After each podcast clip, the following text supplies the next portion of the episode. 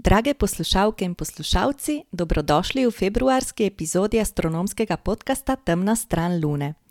Z vami sem Dunja, iz druge strani sveta pa ste prejeli tole kratko zvočno razglednico. Živijo, tukaj je Maruša. Lep pozdrav vsem poslušalkam in poslušalcem. Jaz sem trenutno na kampiranju, bom pa kmalo nazaj. Internetni signal v kampih v Avstraliji žal ni najboljši, tako da vas bom tudi v tokratno oddajo pospremila kar sama. Eh, Tehničnim težavam na vkljub sva za vas pripravili obilico astronomskih zanimivosti. Ste pripravljeni? Začnimo!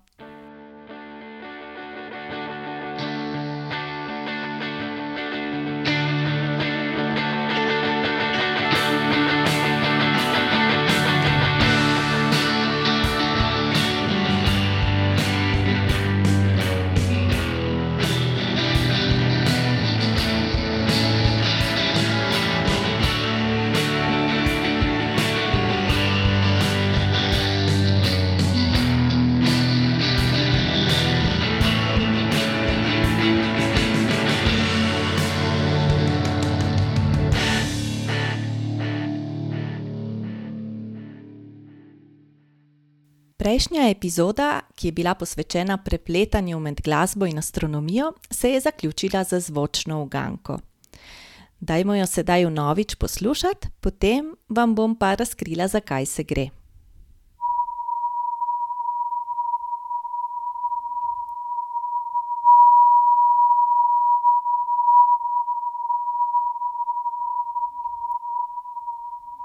Kar ste ravnokar poslušali, je v bistvu zvočna ponazoritev prašnih delcev, ki so zašli v Zemljino atmosfero.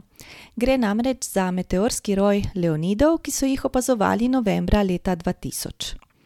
Kako in zakaj nastanejo meteorji? No, kometi in asteroidi na svoji orbiti okrog Sonca puščajo sled v obliki drobnih prašnih delcev.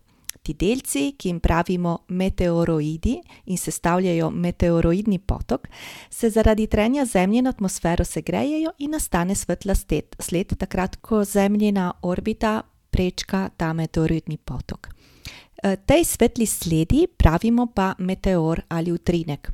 Ko je meteor zelo svetel, da prekosi celo najsvetlejše zvezde na nebu, pa mu pravimo bolid. No, ko delec, meteoroid, upade v atmosfero, pusti za sabo tudi kratko sled ioniziranih delcev. Ta sled za nekaj sekund odbija radijske visokofrekvenčne valove različnih postaj na svetu.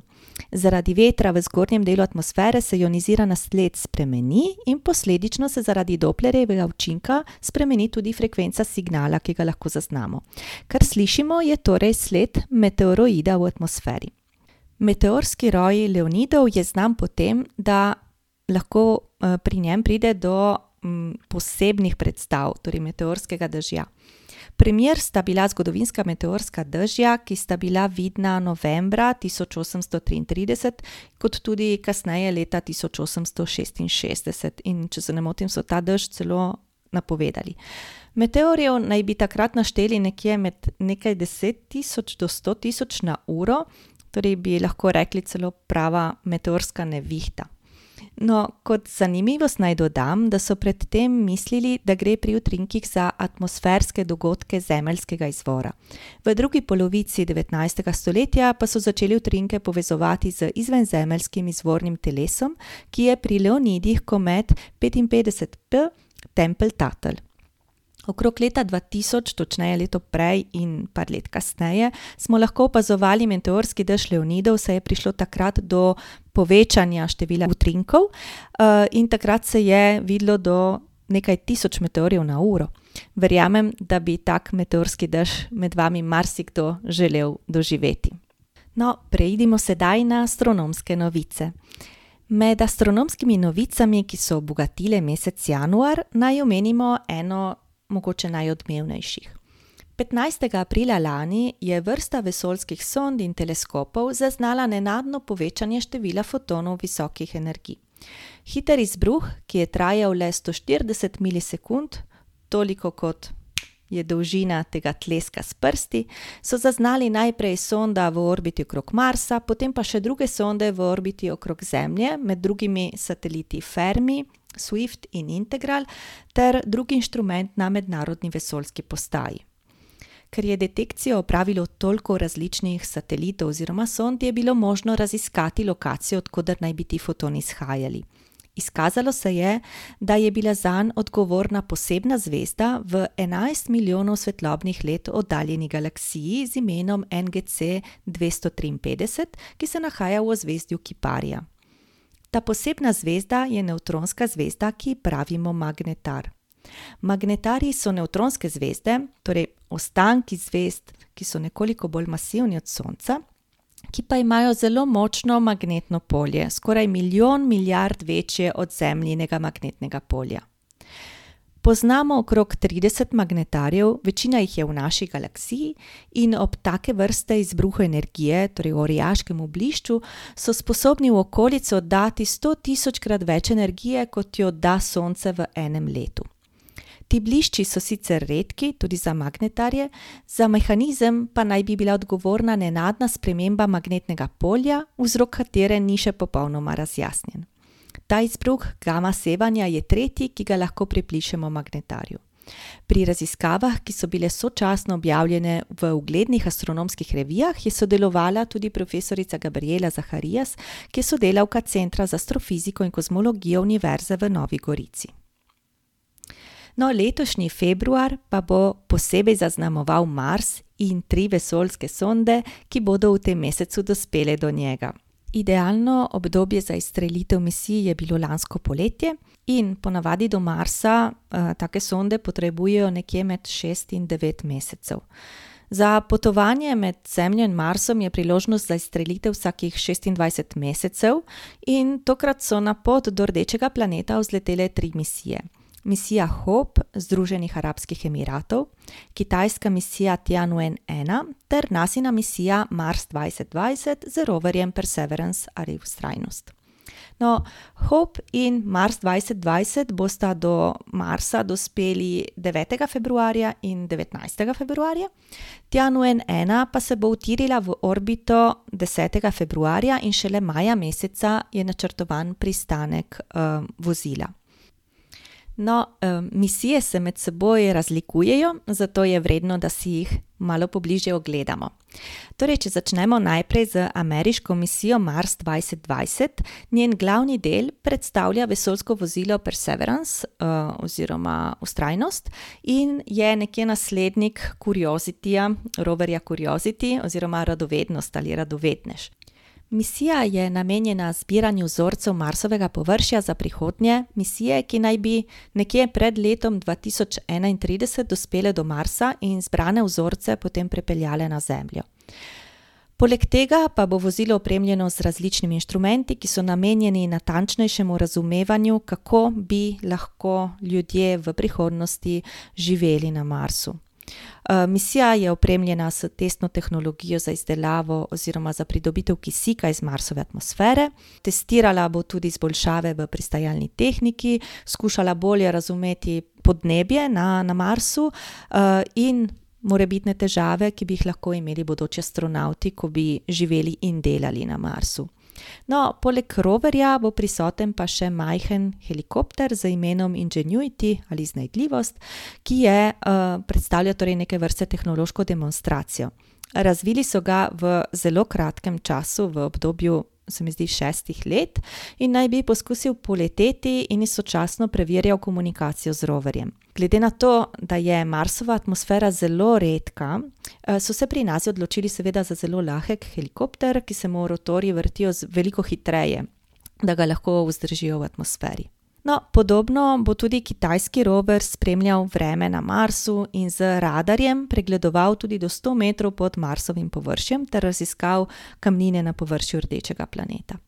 V tem primeru gre za demonstracijsko tehnologijo, saj namerava Kitajska izstreliti dodatne misije proti rdečemu planetu v naslednjih letih. Kitajsko misijo pa sestavljata tako sonda, ki bo v orbiti okrog Marsa, kot tudi vozilo, ki bo na Marsu delovalo devetdeset dni. Ne pozabimo pa še na misijo Hope Združenih arabskih emiratov, ki bo raziskala podnebne spremembe, na Marsu. To bo prva misija, ki bo tako podrobno raziskala podnebne spremembe in obenem tudi prispevala lokalne podatke in tudi iskala odgovor na pomembno vprašanje, in sicer zakaj se vodik in kisik izgubljata iz Marsove atmosfere v medplanetarni prostor. No, to je vse, kar se tiče novic za pretekli mesec in za mesec februar. In verjamem, da boste o misijah na Mars še marsikaj zanimivega prebrali in videli v medijih, vendar se nama je zdelo primerno, da vas na to opozoriva. No, z zaključkom novic pa preidimo na osrednjo temo meseca, ki je sicer še nisem napovedala.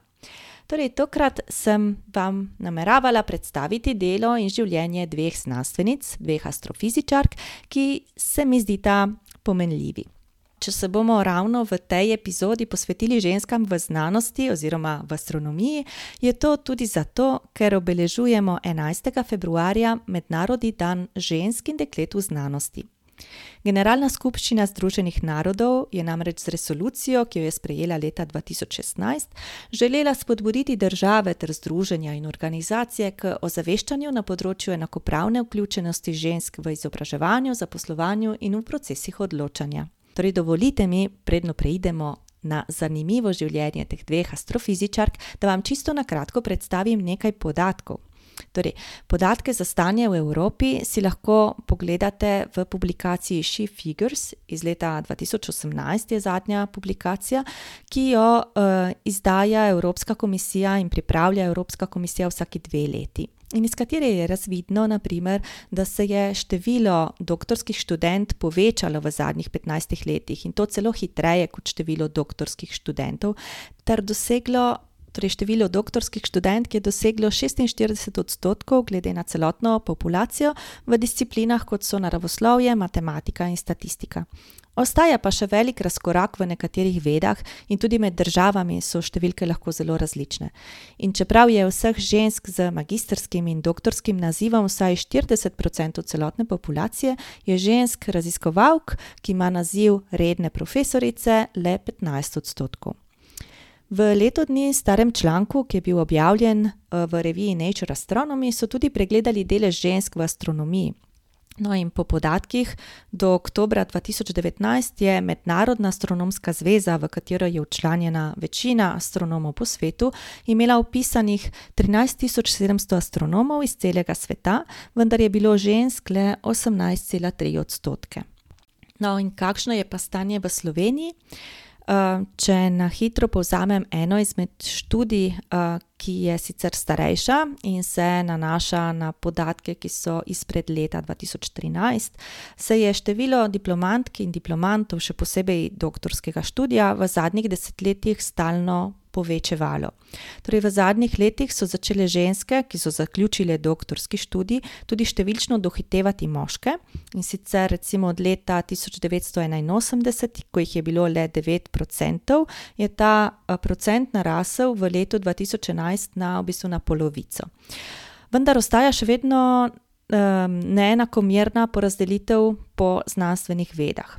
In podatki tudi o pedagoškem osebju recimo kažejo, da se delež žensk v tipičnih akademskih karierah z vsako višjo stopnico na akademski poklicni poti, zmanjšuje. Na višjih in najvišjih položajih je manj doktoric znanosti, čeprav med študentsko populacijo v resnici ženske prevladujejo. No, to so le nekatere izmed številk, ki jih lahko najdete v omenjenih publikacijah, in vam jih, če bi si jih radi ogledali, tudi pustim v zapiskih, da jih lahko najdete. No, sedaj se pa lotimo torej naših dveh astrofizičark in njihovih življenj. No, za prvo, ki jo bom tukaj predstavila, moram priznati, da zanjo nisem vedela v času, ko sem bila študentka, marveč sem zanjo izvedela veliko kasneje. In glede na to, kako je bila pomembna, bi jo pa, bi jo pa zanjo morala vedeti, saj je s svojimi raziskavami razumela, doumela sestavo zvezd. No, kdo je to? Ime je Cecilia Penka Poškin in ste zanjo, jaz upam, da mnogi že slišali. Cecilia Helena Payne se je rodila leta tisoč devetsto v Angliji, kjer se je že v šolskih letih navdušila in usmerila v znanost. S štipendijo je lahko odšla v Newnham College Univerze v Cambridgeu, kjer je na začetku študirala botaniko, kemijo in fiziko, ter se šele v drugem koraku odločila, da se posveti samo fiziki. Dogodek pa, ki je v njej zbudil interes za astronomijo, je bilo predavanje, ki ga je imel sir Arthur Eddington in ki se ga je Cecilia udeležila. V tem predavanju je Eddington predstavil rezultate ekspedicije leta tisoč devetsto devetnajst na afriški otok Principe ter v mesto Sobral v Braziliji, kjer sta se pod njegovim vodstvom odpravili skupini znanstvenikov z namenom, da bi opazovali in fotografirali zvezde med Sončevim mrkom. Ta podvig je predstavljal prvi poskus, pri katerem so preverjali veljavnost Einsteinove splošne teorije relativnosti. No, zakaj je šlo? Torej vemo, da vsa masivnejša telesa v vesolju naj bi po tej teoriji ukrivljala tkanino prostor-časa. To pomeni, da bi se navidezna lega zvezd morala spremeniti, če bi v njihovo bližino pripotoval masivni objekt, kot je Sonce. No, idealno opazovanje je predstavljal Sončev mrk, torej ko Luna zakrije Sonce in ko so na fotografske plošče lahko posneli tudi svetlejše zvezde.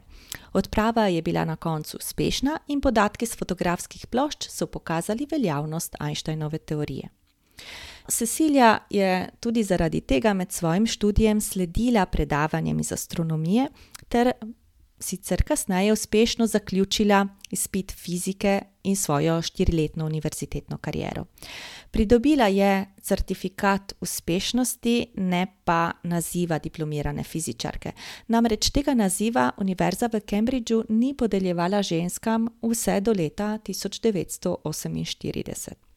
Med samim študijem je pod Eddingtonovim mentorstvom izvedla nekaj manjših projektov, od meritve lastnih gibanj zvezd v zvezdni kopici Messier šestintrideset do tega, da se je ukvarjala s strukturo zvezd.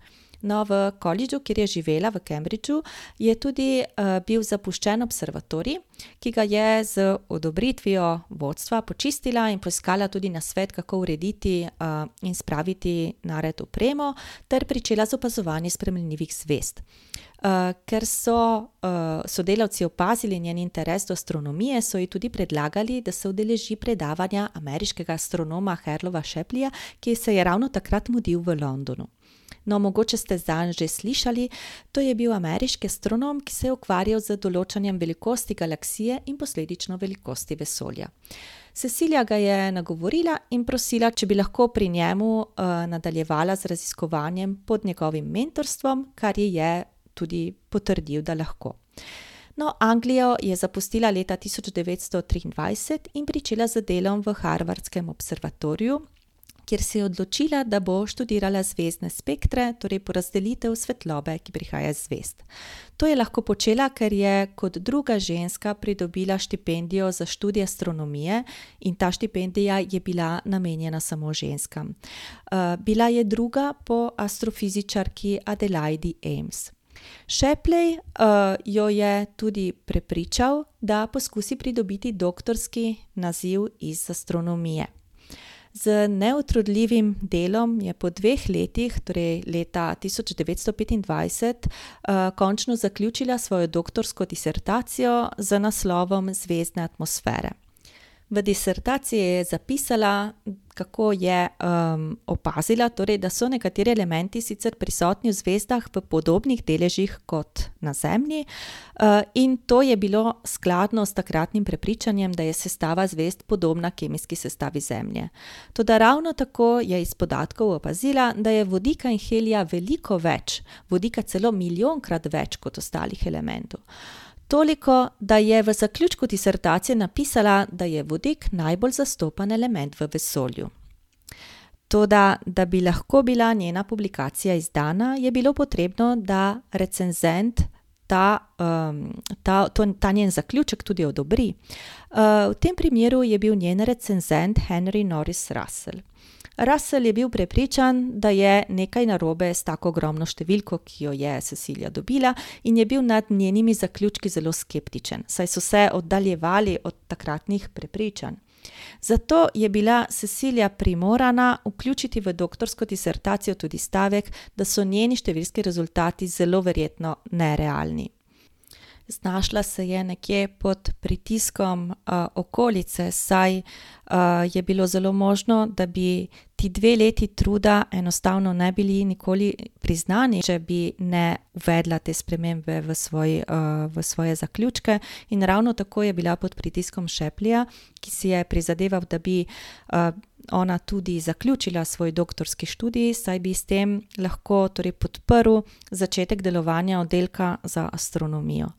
No, njeno delo je bilo na koncu objavljeno in s tem se je sicer tudi zapisala kot prva doktorska študentka iz astronomije na Harvardski univerzi.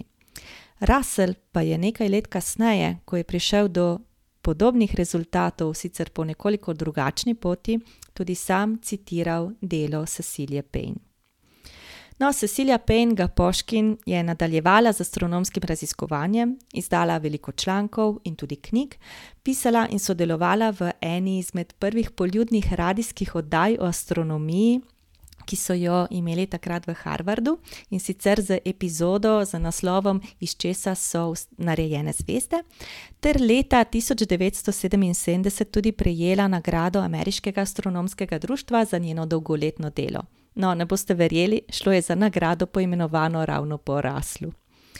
Cecilijin glas lahko danes poslušate v odlomkih intervjuja, ki ga je z njo opravil fizik in zgodovinar Owen Gingerich, v katerem tudi pripoveduje o tem, katere težave je kot ženska imela na svoji študijski in raziskovalni poti.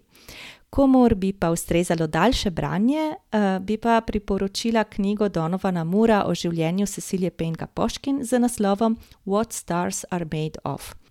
Povezave tako do intervjuja kot do knjige sem vam dodala v zapiske. No, s Cecilijo pa je delno povezana tudi naslednja zgodba. Za Richarda Feynmana ste verjetno že slišali, kaj ne? Torej, gre za ameriškega zelo znanega fizika, ki je bil sodeležen pri projektu Manhattan, bil je Nobelov nagrajenec, je bil med drugim tudi v komisiji, ki je raziskovala vzroke nesreče Challengerja. No, Richard je imel devet let mlajšo sestro Joan. Za njo verjetno niste še slišali. No, v znanost jo je popeljal ravno njen starejši brat Richard, ki jo je učil štetja, matematike in fizike. Ko je bila še čisto majhna in je brat doma sestavil svoj, mislim, da prvi laboratorij, mu je celo delala kot asistentka in pri tem dobivala zelo skromno plačo, mislim, da je bila, ne vem, 4 cente na teden. Uh, nekje pri osmih letih je izjavila, da bi rada postala znanstvenica. No, in takrat ji je mama rekla: Glej, ženski možgani niso primerni za znanost.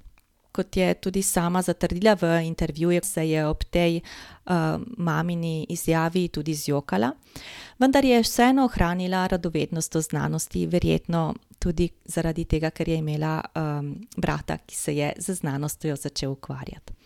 No, pri 14 letih je ravno Richard podaril posebno knjigo, višešolski učbenik astronomije.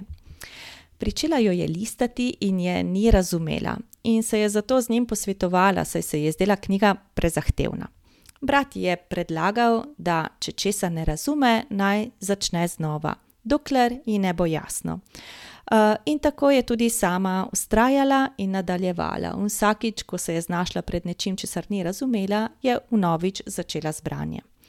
No, šlo je torej za učbenik astronomije, v katerem je po naključju ugotovila, da je prisotna neka ilustracija spektra zvezde, avtor pa je bil Cecilija Penga Poškin. In iz tega, ko je prebrala, da je avtorica ženska, se je sklepala, da je žensko ime Cecilija in celo da ima dvojni priimek, torej da gre za poročeno žensko, je razumela, da lahko tudi ženske sodelujejo in raziskujejo. In da ni potrebno pri tem biti Marie Curie, kot je sama večkrat izjavila. Nekoč jo je starejši brat zvečer peljal na ogled polarnega sija, ki sta ga občudovala iz bližnjega igrišča za golf. Takrat je tudi povedal, da nihče še ne ve, zakaj do tega pride.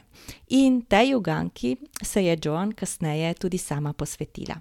Z bratom sta, eh, če se ne motim, nekoliko kasneje tudi sklenila sicer zavezo, in brat uh, naj bi se lahko ukvarjal s katerim koli delom fizike, samo fiziko Sonca in polarnih sijev naj bi prepustil njej. John Feynman se je torej posvetila fiziki Sonca, učinku Sonca in Sončevih delcev na Zemljo, čemur danes pravimo tudi vesoljsko vreme, vključno s polarnim sijem ter um, Zemljini magnetosferi. Ukvarjala se je tudi z raziskavami um, povezave med podnebnimi spremembami in Sončevo aktivnostjo. Delala je na različnih univerzah in inštitutih, od Geofizikalnega laboratorija Lamont na Univerzi Columbia do laboratorija za reaktivni pogon JPL v Kaliforniji. Med pomembnejše prispevke šteje več odkritij, med njimi način zaznavanja izbruha koronalne mase Sonca, to je izbruha delcev iz Sončeve korone, z iskanjem prisotnosti helija v Sončevem vetru.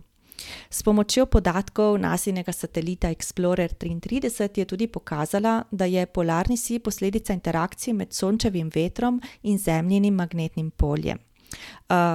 no, razvila je tudi statistično metodo za izračun delcev visokih energij, ki lahko negativno učinkujejo na vesoljska plovila, ter drugo metodo za napovedovanje Sončevih ciklov.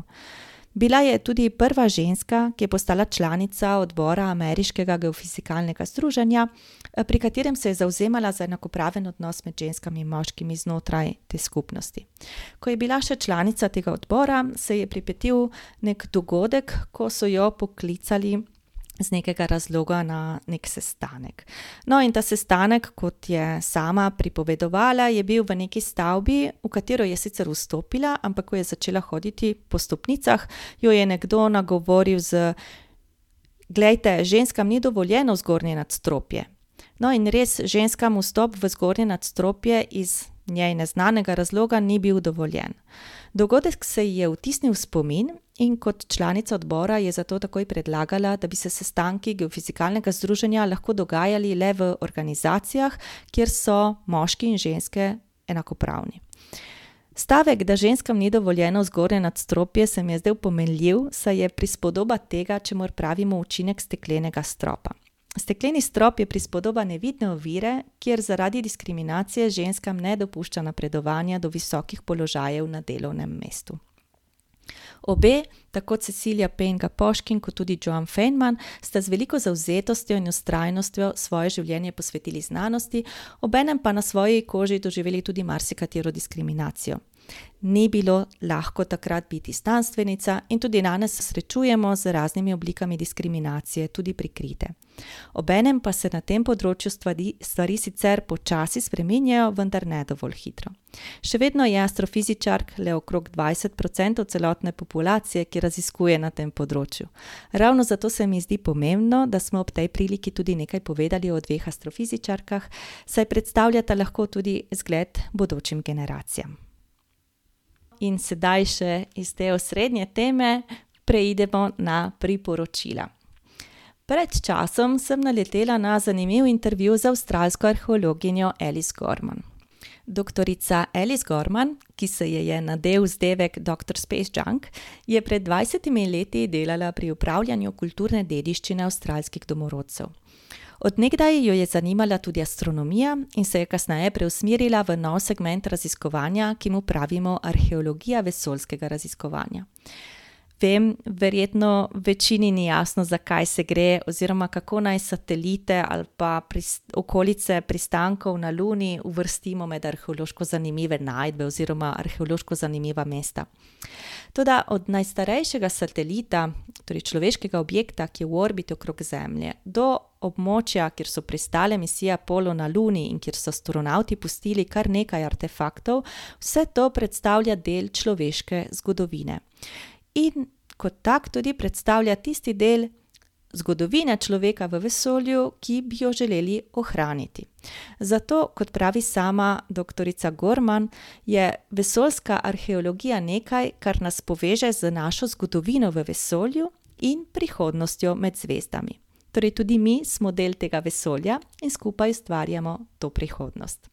Doktorica Alice Gorman je aktivna na Twitter računu Doctor Space Junk, njene zapise pa lahko preberete tudi v njenem blogu zoroastrique blogspot pika com. link do tega bloga bom dodala v, uh, med zapiske. In med drugim si lahko uh, preberete tudi njeno knjigo, ki se imenuje Dr. Space Junk vs. The Universe. Po tem novič bralnem priporočilu pa poglejmo sedaj, kaj bo aktualnega na nebu. Letošnji februar bo namenjen Marsu, ampak ne samo zaradi treh misij, ki naj bi prišle do, do Marsa, ampak tudi zato, ker bo rdeči planet še vedno kraljeval na nebu. Od četrtka 18. februarja do sobote 20. februarja boste v bližini luninega krajca v zvezdju Bika našli tudi planet Mars. Od opozicije, ki se je zgodila oktobra lansko leto, se mu je si bistveno zmanjšal. Gledate pa ga lahko uro in pol po sončevem zahodu nad južnim obzorjem. No, Mars se bo v tem mesecu začel tudi približevati gosti skupini zvest, ki jih verjetno poznate kot Plejade ali pa Gostosevce. Te zvezde je zelo enostavno srečati na nebu, ob njih pa se bo počasi gibal Mars. Opazovali ga boste lahko blizu te odprte zvezdne kopice od torka 23. februarja zvečer po sončevem zahodu tja do skoraj sredine marca meseca. Tudi te zanimivosti sva tokrat povzeli po knjigi uh, Gilema Kanata Glej jih zvezde, najlepši prizori na nebu v letu 2021. Povezavo do knjige najdete med zapiski. Predno se posloviva, dragi poslušalci in poslušalke, vas znova pričakuje astronomsko barvana zvočna uganka. Dajmo jo poslušati skupaj.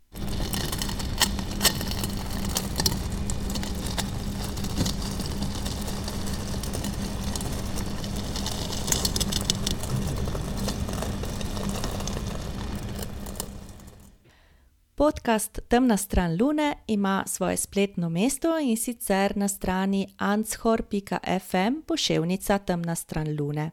In če vam je všeč, lahko v aplikaciji za poslušanje podcasta oddate oceno. Mnenja in predloge ter vprašanja nama lahko pošljete tudi preko obrazca, ki ga najdete v zapiskih. Za dodatna vprašanja ali pa če vas eh, kaj posebej zanima v sklopu astronomije, lahko stopite z nama v stik in sicer na družbenih omrežjih. Najdete naj jo namreč na Facebooku, Instagramu in Twitterju, kjer sva povsod z uporabniškim imenom Temna stran Lune, vse skupaj in z malo začetnico. Avtor zvočne podlage, ki jo sedaj že slišite v zadju, je Peli iz podcasta Opravičujemo se za vse nevšečnosti, ki ga toplo priporočava. Z vami sem bila tokrat Dunja, Maruša vas pozdravlja z Avstralije, obe pa vam v prihajajočem mesecu želiva obilico jasnih noči. Srečno in se slišimo čez mesec dni.